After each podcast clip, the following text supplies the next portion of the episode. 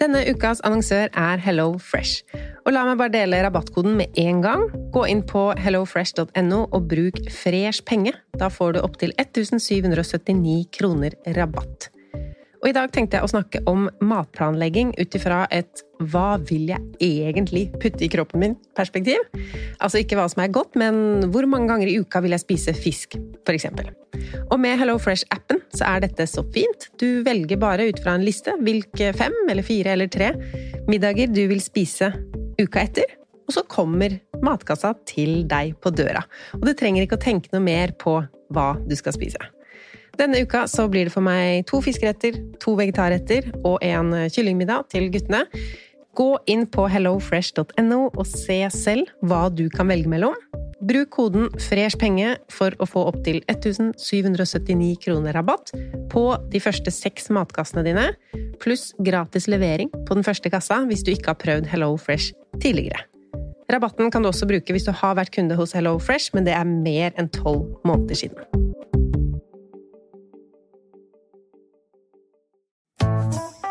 Har du et enkeltpersonforetak eller en liten bedrift?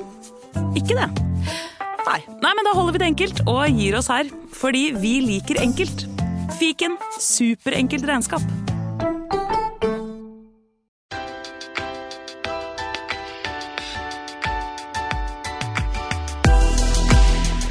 Velkommen til Pengesnakk podkast. I dag skal jeg snakke om et tema som ikke er helt pengesnakk, men samtidig veldig, egentlig. Eh, og når jeg sier pengesnakk, så mener jeg både at dette handler ikke direkte om penger, men òg pengesnakk som i meg og hva jeg pleier å formidle. Og der er dere jo vant med en del minimalisme, kanskje uten å tenke over at det er det. Eh, men ta eksempel selge 100.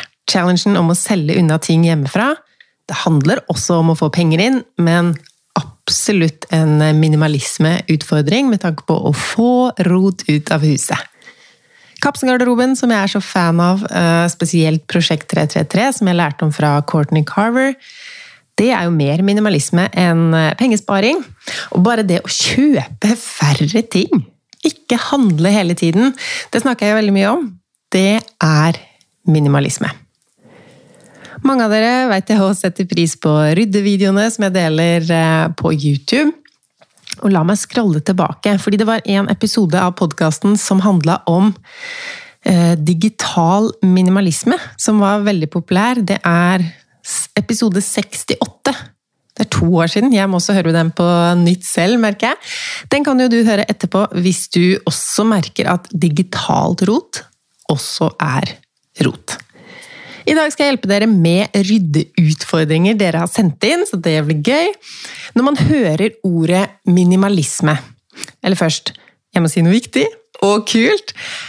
Siden jeg har lært så mye gjennom min egen minimalismereise, og stadig finner ut hvor mye det faktisk har å si å ha det ryddig rundt meg Før så tenkte jeg at det var en litt sånn overfladisk greie, kanskje. Være opptatt av å ha det fint, ryddig og rolig. Jeg tror også vi har litt ulik toleransegrense for rot, men meg påvirker det veldig. Og jeg har det psykisk så mye bedre nå, med mindre rot rundt meg. I høst skal jeg ta med noen av dere på en ryddereise. Så denne episoden er ikke reklame for kurset jeg skal ha. Men på en måte er det jo også det, siden jeg har en episode om minimalisme her i podkasten samme uke som jeg lanserer, eller førlanserer, kurset mitt. Så jeg tenker ekstra mye på minimalisme om eh, dagen. Kurset jeg lager, heter Endelig ryddig. Så jeg merker denne episoden som reklame for det, selv om jeg ikke skal si så veldig mye mer om kurset nå. Du finner link i episodebeskrivelsen som sender deg til info om kurset. Salgsstarten er nå på torsdag, 8. september. Da er det førsalg, sånn at du som melder deg på på torsdag og fredag, får kurset mye, mye billigere. Det starter ikke før om en måned, så hvis du kjøper nå, så må du vente litt før du får tilgang til alle ressursene, men da også til en mye billigere pris. Vil du vite mer, så på torsdag 8. september også går jeg live i Facebook-gruppa vår Pengesnakkerne. Der forteller jeg mer om selve kurset, og du kan også stille dine spørsmål om dette online-kurset. For det er online, jeg kommer ikke hjem til deg og rydder. Jeg har troa på å gå gjennom tingene sine og gjøre jobben selv, er det som funker. Så meld deg inn i Pengesnakkerne-gruppa vår på Facebook. Uh, uansett, egentlig. Der diskuterer vi masse fint om uh, penger. Men nå på torsdag blir det altså en livesending om Endelig ryddig, kurset mitt i praktisk minimalisme. Det begynner klokka åtte. Men tilbake til dagens episode minimalisme. Det er mer enn én ting. Um, eller man har ulik tolkning av ordet. Noen vil se for seg en uh, asketisk person som kun eier 100 ting, eller syv ting, eller noe sånt. Um, noen tenker på det å bo i mikrohus, eller store hus, men at det her rydder jo nesten ingenting inni. Uh, minimalisme kan også være det å ikke ha en bolig. Være digitale nomader som ikke eier mer enn man får plass til i sekken. Så minimalisme kan være mange ting. Jeg tenker på minimalisme litt som å ha luka vekk ugresset i kjøkkenhagen. At det man har og driver med, er uten alt det der ekstra greiene som man ikke trenger, men som er med å ødelegge. Og hvis man har luka vekk ugresset, så har man mer rom for de tingene man bruker og elsker. Da drukner de ikke i rotet. Og på den måten så tenker jeg at litt minimalisme, om man ikke har tenkt å kalle seg minimalist, så minimalisme er noe alle trenger. I større eller mindre grad. Fordi det er ikke noe poeng i å beholde søppel, eller ugress, da. Livet er bedre med færre ting. Det synes iallfall jeg. Mer oversikt, mindre stress og mas, og det å ikke finne ting. Kanskje til og med kjøpe nytt fordi man ikke finner hva man har. Den følelsen av å være overvelda fordi det er så mye at vi vet ikke engang hvor vi skal starte å leite eller rydde. Den enkleste måten å starte et mer minimalistisk liv på, er å ikke kjøpe nye ting. Begynne der. Ta en liten kjøpepause. Og reflektere over hva du ønsker at livet ditt skal bestå av. Jeg vil ha det ryddig uten å bruke mange timer hver dag på å rydde. Og jeg vil ha det rent uten å bruke lang tid på rengjøring. Og jeg vil heller ikke betale noen andre for å vaske her hos meg. Jeg vil ha mer tid til familien og egne ting, og mindre stress. Eh, og alt det gir minimalismen meg. Mindre stress fordi eh, synlig rot er noe som stresser meg, jeg liker det ikke. Eh, og til og med er det sånn at rot jeg ikke ser, stresser meg også. Så derfor har det tatt ganske lang tid for meg å endelig få det ryddig overalt. Fordi vi snakker hver minste ting i hver minste skuff. Jeg kan ikke bare trykke ting inn i et skap og tenke 'nå er det ryddig'. Det hjelper i hvert fall ikke på den overvelda følelsen som jeg var så lei av å ha. Etter jeg fikk barn, egentlig, begynte den følelsen å bygge seg opp, uten at jeg skylder på barna. Eh, det er jo sånn at Barn krever masse ting og utstyr, og så tar det jo mye tid å ha en familie. Så det er en kombinasjon av mindre tid til rydding og mer rot samtidig. Eh, det er nok ikke bare jeg som er kjent på den, men eh, det er mulig å faktisk ha det annerledes. Og som jeg sa, mindre ting inn er første bud, og så kommer det andre. Du må kvitte deg med ting du eier. Og det kan være vanskelig. Et triks du kan begynne med med en gang, er jo å spørre deg selv når du rydder hvor mange ganger gidder jeg å rydde opp den her igjen? For alt du kvitter deg med, har du jo da rydda for aller siste gang. Og det er deilig å tenke på.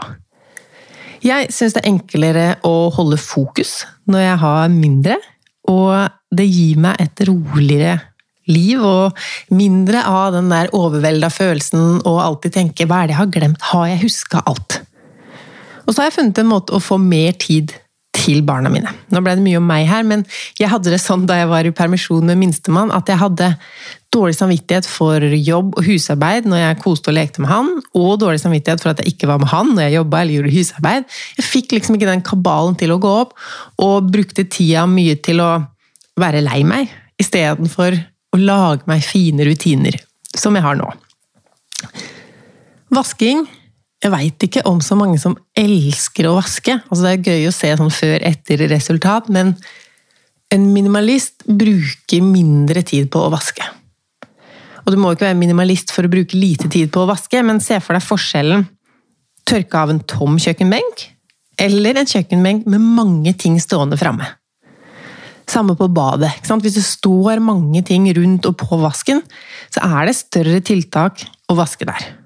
Altså hvis det kun står én såpe, så er det veldig enkelt å tørke over, og man gjør det kanskje oftere fordi det er enklere, det er mindre tiltak. Og når man gjør det oftere, så er det jo enklere fordi flekkene du vasker, ikke er mange uker gamle. Samme med støvsuge et rotete gulv mot et ryddig gulv. Jeg tror mange som har vaskehjelp, altså det største utbyttet av å ha vaskehjelp, er at det må ryddes før vaskehjelpen kommer. Det er kanskje bare en teori jeg har, men eh, ja. Uansett hva ditt forhold til minimalisme er i dag, så Jeg føler det er få som kaller seg minimalister, egentlig.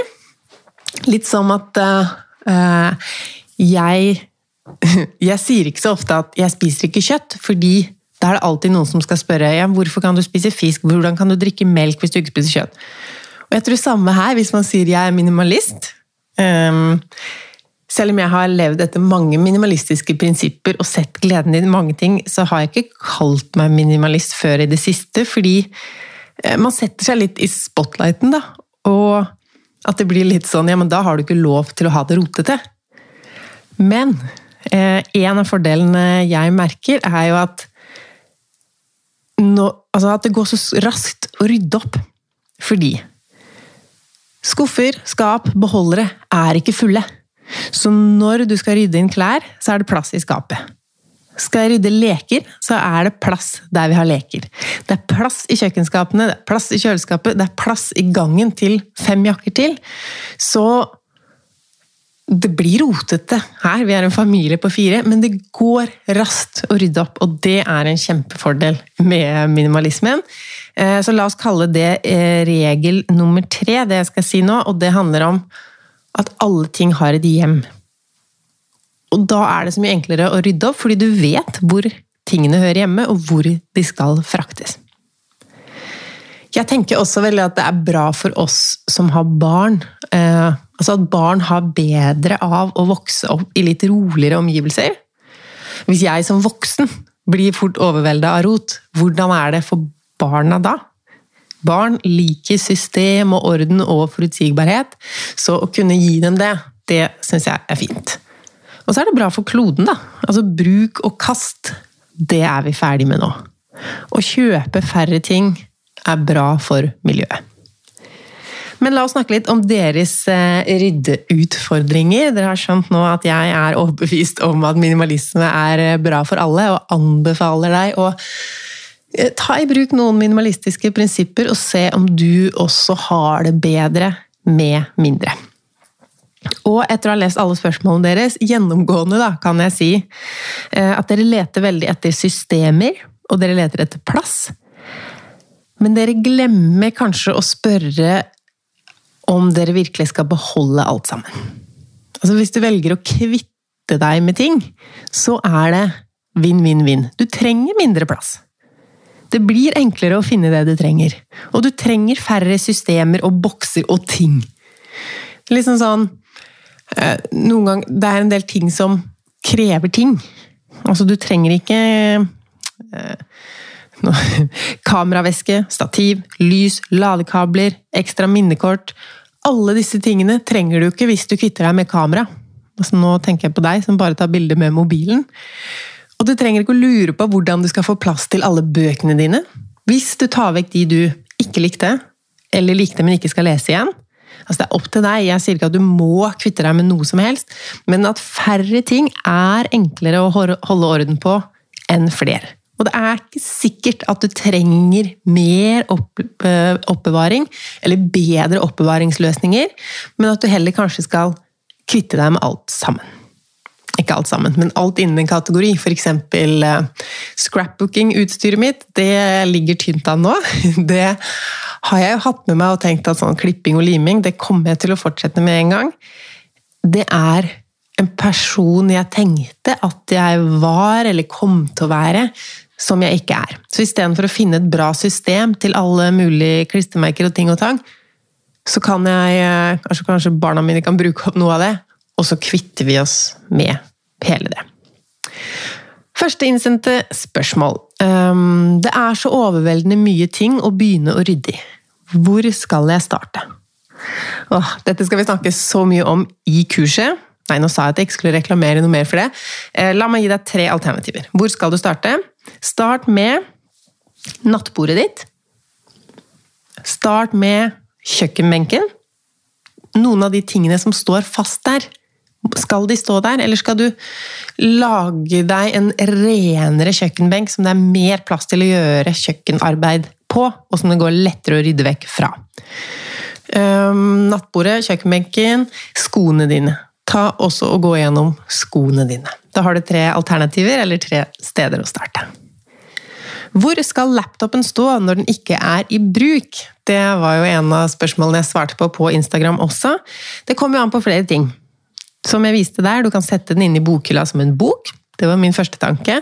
Men har du mus og ledninger og andre ting, pakk det sammen i PC-veska eller sekken din, så har du det samla der. Et spørsmål dere stilte mye, eller som det kom mange av i ulike varianter, var eh, en som sier 'en nøtt'. Mannen min sine greier. En annen sier 'jeg bor sammen med en samler'. Mann og barna vil ikke kvitte seg med ting. Mannen min samler på alt mulig. Har du tips til å få han til å kaste mer? Og vet du, jeg har skyldt så mye på mann og barn selv. Fordi jeg hadde det fint da jeg bodde alene. Det var ryddig. Eh, men som jeg nevnte i stad, behovet for minimalisme kom da jeg plutselig satt der med mann og barn og et fullt hus. Å kvitte seg med ting er fint å gjøre sammen med familie, men allikevel er det litt som med sparing. Hvis din partner eller barn ikke er interessert, da må du være litt smartere. Og Hvis mannen din er en samler, og du ber han kvitte seg med samlinga, så er jo det eh, Så klart føles det som et angrep. Da må du være um, altså Hvis du skal foreslå at han skal kvitte seg med noe, så foreslå i hvert fall å kvitte seg med noe han ikke samler på. Altså ikke få han til å kaste samlinga, men andre ting. Men i hovedsak start med deg selv. Du må kvitte deg med dine ting. Minimaliser din hverdag. Ditt klesskap. Ditt hobbyutstyr. Din samling av bilder, vaser, planter, bøker, elektronikk, stearinlys, parfymer, smykker, sminke, det er flest kvinner som har sendt inn, så forslagene mine ble også litt kjønnsstereotypiske der, merker jeg. Eh, ditt verktøy. Sånn. Fordi det er så mye enklere å se, og ikke minst irritere seg over, andres rot. Hvis jeg har noe rot i sysakene mine, bokstavelig talt sysakene, så vet jo jeg at eneste grunnen til at det ligger framme, er at jeg holder på å legge opp de gardinene. Og ja, det går litt treigt, men jeg rydder det ikke bort. Jeg kommer ikke til å rydde bort før jeg er ferdig med gardinene. Og jeg ser på dette rotet som et steg i riktig retning når det gjelder prosjekt Få det fint, så ikke kall det rot. Når jeg rydder og sorterer i alt arvetøy vi har vært så heldige å få, og det blir liggende utover litt, det er ikke rot i mine øyne, det er prosess. Og sånn er det med andres ting også. Det er kanskje ikke rot for dem. Så start med ditt eget. Jeg må si jeg ble overraska over hvor mye jeg kunne forbedre for min egen del, helt på egen hånd. Og en ting som du også kan merke deg, eh, eller som du kanskje allerede merker, er at rot avler rot. En haug med ting vokser. Og ligger det ting på spisebordet, så er det lettere å slenge posten der også. Og så kommer kanskje barnet hjem fra skolen, slenger noe der. Eh, det har blitt en sånn roteplass, og da alle merker det og legger ting der. Ubevisst. Ingen har lyst til å begynne å rydde et bord med 34 ting i ulike kategorier, og noen eier det ene og noen eier det andre. Og da tenker vi åh, den familien min, den roter så mye. Selv om den kanskje den første tingen var det du som la der, og det var det som var med å, å, å forme en haug, da. Eh, men hvis jeg tar mitt, så er det mindre der. Og hvis du ser for deg den eh, Altså, hvis bordet hadde vært pent dekket, eller bordet var 100 ryddig, hvor hadde jeg lagt posten da? Ja, For det første har jeg et sånt one touch-prinsipp, som jeg sikkert har lest eller sett noe sted, siden jeg sier det på engelsk. Men det handler om at jeg helst vil ordne opp ved å kun ta på ting bare én gang. F.eks. posten. Jeg kaster mye post uh, allerede med en gang ute, fordi mellom postkassen og huset mitt ligger papirsøpla, og ser jeg at dette er ikke noe å ta med inn, så er det bare å legge det rett i søpla. Og så kommer det noen ganger noe som er sånn halvveis. Hvis det kommer noe fra kirken eller kommunen, eller hva vet jeg, som jeg tenker det skal jeg bla gjennom. Da tar jeg det med inn, leser, og så rett i papirsøpla inne. Er det en regning som er det mulig å betale den med en gang, så er det det aller beste. Eller legg den der du betaler regninger. Eller noe annet fra banken. Åpne det, kast konvolutten med en gang. Det er det i hvert fall ikke noen grunn til å ha liggende rundt. Er det noe som må gjøres med det her brevet fra banken? Hvis det var um, Da det kom sånn man måtte skanne passet og sånn, da legger du brevet ved dataen, kanskje til og med med passet, sånn at det ligger klart som en oppgave der det skal ligge. Ikke begynn en sånn bunke! Fordi med en gang du begynner en bunke, så blir det en bunke, og det blir så mange ting, og det er så kjedelig å gå gjennom sånne bunker med papir. Eneste fordelen med en sånn bunke er at det ofte ligger der og blir eh, forelda mange ting, sånn at når du går gjennom det, så er det veldig mye av det som kan kastes. Men hvorfor ikke da bare kaste det med én gang? Men poenget jeg begynte på, var at det er ikke bare sånn at rod avler rot, men også at ryddige og tomme flater tiltrekker seg ikke rot i samme grad som rotete plasser. Og det er så mye enklere da, hvis jeg går inn på badet om morgenen, og der ligger det to tannbørster og en tannkrem. Da legger jeg det inn i skapet hvor vi har tannbørster og tannkrem. Hvis det er det eneste som ligger på benken. Hvis det ligger 36 ting på den eh, vasken eller benken ved siden av vasken, så vurderer ikke jeg å, skal jeg legge vekk tre ting. Nei, da venter vi på motivasjon til å rydde absolutt alt helt perfekt på plass. Så det er vel også litt svar på neste ryddeproblem dere har sendt inn. Ryddingen, systemet, varer ikke. Så nå blir jeg litt sånn at jeg gjentar meg selv, men det er helt greit, fordi det er hovedpoenget. Du bør kvitte deg med noen ting. Da er det også mye enklere å holde på ryddingen og systemene vi skaper. Og så må vi ha rutine og sette ting på de plassene de har fått. Ellers er det en del spørsmål om barn. Hvor skal alle duppedittene til barna? Alt står framme etter ti minutter. Barnas leker som de drar ut overalt, har kvitta oss med en del, men de har fortsatt mye som er i stua. Leker klarer ikke å finne gode møbler til leker. Og barn som roter mens vi rydder. Ok. Første bud blir jo å begrense mengden som kommer inn i boligen.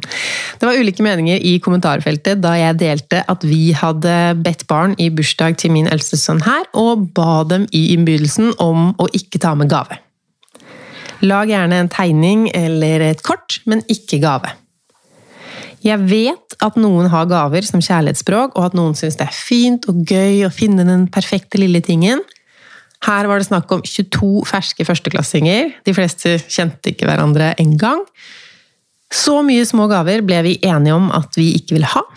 Eh, sønnen min fikk da valget, eh, for å gjøre dette litt enklere enn å si at du skal ikke ha noen gaver, så fikk han valget eh, mellom å ha en vanlig bursdag hvor det kommer små gaver fra alle, eller så kjøper vi et legosett som han har ønska seg en stund, med en sånn romrakett. Sønnen min elsker Lego. Og det som er fint med Lego når det gjelder rydding, selv om det er mye å rydde, så er det én ting. Og han har også sånne dinosaurfigurer. Det er én ting. Det kan ryddes sammen. Så jeg heier på ting som kan sorteres sammen. Eh, og det tror jeg barna liker òg. Altså at det er én kasse med biler. Klosser er klosser. At vi ikke skal ha 80 forskjellige kategorier og typer av leker. Vi kjører også rotering. Som vil si at når lekehylla er rotete, Eller jeg merker egentlig mer på barna enn selve hylla, faktisk. Når barna ikke finner noe inspirerende i lekehylla, kanskje de heller spør om å få se på TV, da er det på tide å bytte leker. Og eh, bytte leker, det høres ut som det fordrer at du har noen andre leker eh, liggende et annet sted. Det er ikke sant. Det fungerer også om du ikke har noe nytt å sette fram. Du må bare eh, sette det fram på en annen måte. Så ta alt ut. Nå går jeg liksom ut ifra at du har en lekehylle på samme måte som meg. Eller et eller annet sted der de har leker. da. Ta det ut, og så setter du noe interessant tilbake. Kanskje på en interessant måte. Og da kan tre biler være bedre enn 30. Og så sett fram et puslespill upusla, altså i en bolle eller brett f.eks. Et ferdig puslespill er for, i hvert fall for småbarn, er et ferdig puslespill ferdig. Det er ikke noe å gjøre med et ferdig pusla puslespill, så det er mye mer motiverende å ta fatt på et puslespill som ikke er pusla. Sett fram en bunke ark og en kopp med farger, og kanskje det holder. De beste minimalistene er kanskje barna våre. Altså ikke mine spesielt, men alle våres. Jeg ser hvor mye bedre barn trives i rolige omgivelser, og det er enklere å velge mellom tre-fire aktiviteter enn uendelig mange. Og så slår jeg et slag for å ta med barna på husarbeid. Um, mange syns det er veldig rart at femåringen, eller seks år som han er nå, ja, eh, at han vasker sine egne klær. Men det gjør han også. Jeg kunne laga en helt egen episode om klesvask, for det her er mye eh, å si om. Ja, la meg si litt. Vi har tre kategorier. Voksenklesvask, barnklesvask og 60 graders. Altså kluter og sånn. Eh, og så har vi jo ull om vinteren og hvitt og spesiell av og til, men i hovedsak de tre kategoriene vi vasker hver uke. Og hvorfor har jeg ikke voksen- og barneklær sammen? Det handler om det jeg tror mange sliter mest med når det gjelder klesvask. Og det er ikke å sette på en vask, men det er å brette og legge på plass. Så Voksenklærne våre skal opp til oss i andre etasje når de er tørre. Barneklær skal ned på badet, der de er i bruk. Altså det er der eh, Emrik og Adam har sine kapselgarderober. Når eldstesønnen min ser at skittentøyskurven for barn er full, så går vi ned i kjelleren med den sammen. Altså Han gjør ingenting alene enn så lenge. Vi er fortsatt i investeringsfasen i dette prosjektet, kan jeg vel si. Eller faktisk litt i høstefasen også. Fordi etter han begynte å være med på å legge i, ta i såpe, trykke på knappen, eh, huske på, henge opp, brette, legge på plass, så har det ikke vært ett eneste spørsmål om hvor er Ninjago-T-skjorta mi? Ninjago-T-skjorta mi er aldri rein, mamma. For nå kan han alle stegene og vet at det er ikke noen magiske krefter inne i bildet her mellom skittentøyskurven og rent i skapet. Og så er det også litt mindre 'mamma, hvor er du?' fordi jeg står ikke nede i vaskekjelleren uten han like ofte lenger. Vi er sammen, og vi skaper relasjon når vi bretter, eller ruller, som han helst vil nå, så det ser ikke like ryddig ut i skapet som jeg gjerne ville hatt det, men nå har han ansvar for det, så da er det rulla som gjelder. Ehm, så jobbe sammen. Jeg kan jo ikke si at det verken går fort eller blir rent når toåringen min skal støvsuge, vaske speil og alt han skal, men jeg vil at de skal vite at huset gjør seg ikke selv. Og de er små nok til å trives med ansvar og syns det er litt stas å få gjøre voksenjobber. Og så ser de verdien av å rydde opp også. Så gi barna dine sjansen, er vel det jeg vil si. Eh, og nå når vi har et enda mer minimalistisk hjem, så er det også mye enklere for meg å være 100% til stede med dem. For jeg vet at det tar oss to minutter å rydde hele stua etterpå. Hvis jeg setter av fem minutter til effektiv rydding når barna ikke er der, så har jeg rydda rommet deres ferdig også. Så barn som roter mens vi rydder, til det problemet der, så ville jeg gjort det om til hele familien roter. Eller leker, da. Leker og roter. Og så hele familien rydder. Fordi sett fra barna sin side, hvorfor skal ikke de rote mens dere rydder? Hvis de roter, så blir dere kanskje der lenger. Jeg vet ikke. Eh, men jeg ville tenkt prøv leke sammen først, og så rydde sammen etterpå. Og ta de med på ting de er for små til. Eh, I gåseøynene for små. F.eks. å vanne blomster. Vann og barn er suksess uansett, og blir det søl, så kan de finne en klut og tørke det opp.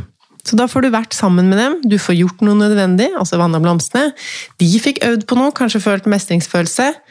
Vinn-vinn. Også, først og fremst, færre leker framme gir mindre kaos i leker. Jeg hopper over noen spørsmål her, men alle de klærne som jeg syns er så fine på hengeren, men som jeg nesten aldri velger å ta på. Og da vil jo jeg si, litt samme som med lekene, pakk det vekk. Ha det vekke en stund, og se hvordan du trives med de klærne som er igjen i skapet ditt. Og så etter en periode så kan du se i den eh, esken eller kofferten eller hvor du har pakket det. Vil du ha det fram igjen? Vil du bruke det? Eller så kan du også utfordre deg til å bruke det. Ta det på på jobb, eller finn en anledning og bruk det. Og da merker man veldig tydelig når man har noe på, at nei, jeg følte meg ikke helt vel. Jeg vil ikke ha dette plagget her lenger. Eller jeg føler meg så fin, denne må jeg bruke oftere. Jeg syns det er lett å velge over plagg når jeg prøver dem på. Spesielt at jeg tar dem på meg og går ut av huset. Nestemann sier 'jeg klarer ikke å holde orden i gangen'. Eh, og da høres det ut som det ikke bare er deg i den gangen. Jeg ville tenkt um, Starta litt stort og se på det sånn at hva skal få lov å være i gangen? Og hva skal høre til andre plasser? I hele fjor, etter at sønnen min begynte å spille ishockey, så hadde vi en ishockeybag i gangen. Og en ishockeybag er stor, så da var det jo alltid rotete i gangen. På grunn av én bag. Og igjen, rot avler rot, så det kunne bli en haug av ting der den lå, fordi den lå der og ba om å bli en haug. Nå har vi en knagg i garasjen, som han henger den bagen på når han kommer hjem fra trening. Nå ønsker jeg meg også en knagg inne til skolesekken. Fordi jo mindre som står på gulvet, jo raskere går det å støvsuge, og da støvsuger vi oftere. Og når man støvsuger, så finner vi jo da kanskje en sokk bak skohylla, eller en annen en roteting som ligger der. Og da kan vi rydde den ene eller de to tingene, og da hoper det seg aldri opp. Og alt som ikke hører til i gangen, ikke ha det i gangen. Vi får hele tiden ting i gaver vi egentlig ikke trenger, men er forpliktet til å beholde. Og det ble jo sagt veldig som en sannhet, og da vil jeg si nei. Du er ikke forpliktet til å beholde noen ting. Jeg tror ingen som gir en gave, vil at du skal beholde ting som er med på å gjøre huset ditt mer rotete og livet ditt mer fullt av stress og ting. Det tror jeg aldri en gavegiver har som intensjon. Så du er ikke forpliktet til å beholde gaver.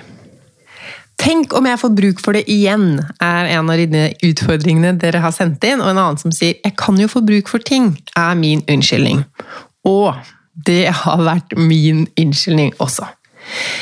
Det er derfor jeg har vært så dårlig til å kaste. Jeg har følt at det krasjer litt med min økonomiske side noen ganger. Altså Hvis jeg kvitter meg med dette og må kjøpe det igjen seinere, så er jo det dårlig økonomi.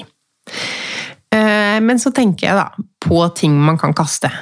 Man begynner jo med de tingene som du veit du ikke kommer til å bruke igjen. Sånn som den lille greia som følger med en iPhone, eller kanskje hele den boksen. Du kommer ikke til å få bruk for den boksen. Eh, eller bodylotion, for min del. Hadde veldig mye bodylotion på badet. Og så smører jeg meg aldri inn. Og hvis jeg en eller annen gang i livet har lyst til å begynne å smøre meg inn, så kan jeg kjøpe meg en bodylotion uten at eh, jeg blir fattig av det.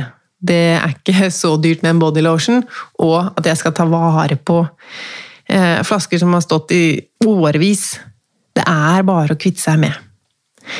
Uh, så trener man jo opp muligheten sin litt, men derfor er det fint å begynne med ting som ikke er så veldig viktig, og så kan man gå på de litt vanskeligere tinga etter hvert. Sånn som scrapbooking-utstyret mitt, som jeg har tenkt at det skal jeg jo bruke til å lage album til barna mine. Og nå har jeg mye mer lyst til å lage digitale album til dem.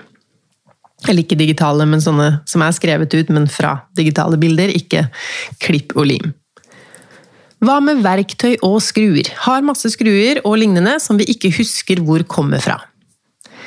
Jeg vet ikke hva du som hører på ville svart på det her ryddeproblemet, men hvis du ikke vet hva det hører til Altså, Hva hadde du gjort hvis et bein på sofaen din datt av nå? Eller du skulle henge opp noe? Er det noen skruer og ting som eh, er på en måte universal, eller er det helt spesial til en ting? Eh, det er jo greit å ha noe verktøy å skrue ting, hvis du er en som reparerer ting som blir ødelagt. Eh, så jeg ville jo samlet det og hatt det på ett sted. Og da er det mye enklere når du får en ny skrue eller mutter eller hva det nå er. Så vet du hvor det hører til, og kan også kanskje lage deg et lite merkesystem. da, At dette hører til den nye stolen, denne fulgte med det IKEA-møbelet. Sånn at du vet og kan bruke det til det det hører til. Rydding tar altfor lang tid og er kjempekjedelig. Mm. Nå syns jo jeg det er blitt veldig gøy, da. Men det kan ta lang tid, og det kan være kjedelig. Noen kategorier er veldig kjedelige å gå gjennom, eh, men det er nesten de som gir mest tilbake. Det er litt som en investering. Det gir avkastning seinere. Og bruk det spørsmålet jeg stilte innledningsvis. Hvor mange ganger skal jeg gidde å rydde opp deg?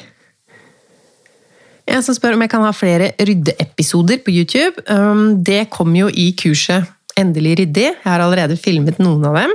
Uh, det blir noen sånne filmer for å vise hva du kan gjøre, illustrere poenger. De fleste er snakkevideoer, som jeg også prøver å holde litt korte. Eller minimalistiske, fordi jeg vil gi deg alle verktøyene du trenger for å starte og fortsette å få til å lykkes med din ryddeprosess, uten at du bruker opp tida di på å se på meg. Fordi jeg vil jo heller at du skal gjøre de konkrete ryddeprosjektene dine, de som jeg ber deg om i kurset. Så hele greia er for travle folk. Det er mulig å rydde alt uten å ta en uke fri fra jobb og plikter. Så det er en stor del av kurset. Um, å finne tid til små og store ryddeprosjekter. Og så blir det filmer med ryddemotivasjon, så klart. Jeg gleder meg også til å se resultatene til de som blir med på det her. Flere spørsmål? Roteskuffen. Jeg har en roteskuff med masse småting som ikke passer andre steder. Og jeg er egentlig ikke så imot en roteskuff, egentlig. Eh, jeg syns det er bedre å ha eh, et dedikert sted eh, hvor du har binders og strikker og kanskje den der lille greia til å åpne iPhonen med. med. Men gå gjennom den skuffen. Kanskje en gang i måneden. Og etter hvert så kommer du til å tenke hvor mange ganger skal jeg gidde å rydde opp deg? Eh, fordi du brukes aldri. Binders, eksempel. Du vet om du er en person som bruker binders eller ikke. Og så etter hvert vil du også finne bedre systemer etter hvert som det tømmer seg andre steder i boligen din, og kan finne ut at å, men det er jo fint å ha batterier her, lyspærer her. At jeg kan ha brukte batterier, nye batterier, i et fint system. Men det er kanskje sånn detaljryddingnivå. Det er ikke der vi begynner. Så roteskuffen, den får du lov av meg til å beholde, faktisk. Ikke start med det vanskeligste. Altså Start med det som det er helt åpenbart at du ikke trenger. Et siste spørsmål. Hvor lenge beholder jeg de enkle vottene før jeg gir opp leteaksjonen etter den andre? Dette tror jeg er en utfordring mange har med sokker også. Jeg fikk det her spørsmålet på Instagram og stilte henne tilbake fem spørsmål som hun sa hjalp henne å ta avgjørelsen, så jeg leser opp de for deg hvis du også har single votter du lurer på om du skal gi opp leteaksjonen på. Er det noen som bruker denne størrelsen votter? Har du steder å lete etter de som mangler? Altså, Er det sånn at du skal spørre besteforeldre, eh, lete i gjenglemkasser på SFO eller idrettshallen? Hun sier leteaksjon, men er det en leteaksjon, eller aner hun ikke hvor de er? Jeg spurte også hvor mye koster det å finne et nytt par? Var dette favorittvotter? Og hvor mye ville disse vottene blitt brukt om du fant partneren? Dette var gøy. Nå skal jeg ta fatt på ryddejobben alt jeg hadde på det gamle kontoret, som jeg ikke nødvendigvis vil ha med meg opp på det nye. Mye papir, ideer jeg har skrevet ned gjennom eh, mange mange år. Jeg syns det er litt vanskelig å gå gjennom papir. Jeg skriver så mye, men mye av det er jo kluss. Men så plutselig kan det være en litt sånn smart idé jeg ikke vil miste. Eh, men nå er jeg motivert til å hvert fall redusere disse papir- og notatbokhaugene litt. Hva skal du rydde i dag? Jeg håper du ble litt motivert av all denne ryddesnakken. Del gjerne i Facebook-gruppa hva du skal rydde, så satser vi på en ryddig høst for oss alle sammen. Mer minimalismeprat blir det jo også på torsdag kveld klokken 20 inne i Facebook-gruppa vår Pengesnakkerne. Eh, kurset kan du melde deg på fra torsdag morgen. Da er det inne på pengesnakk.no endelig ryddig. Vi høres igjen neste mandag til en episode om mat og hvordan vi kan spare penger der. Hvilke ingredienser kan vi bruke mer av for å få matbudsjettet til å strekke lenger?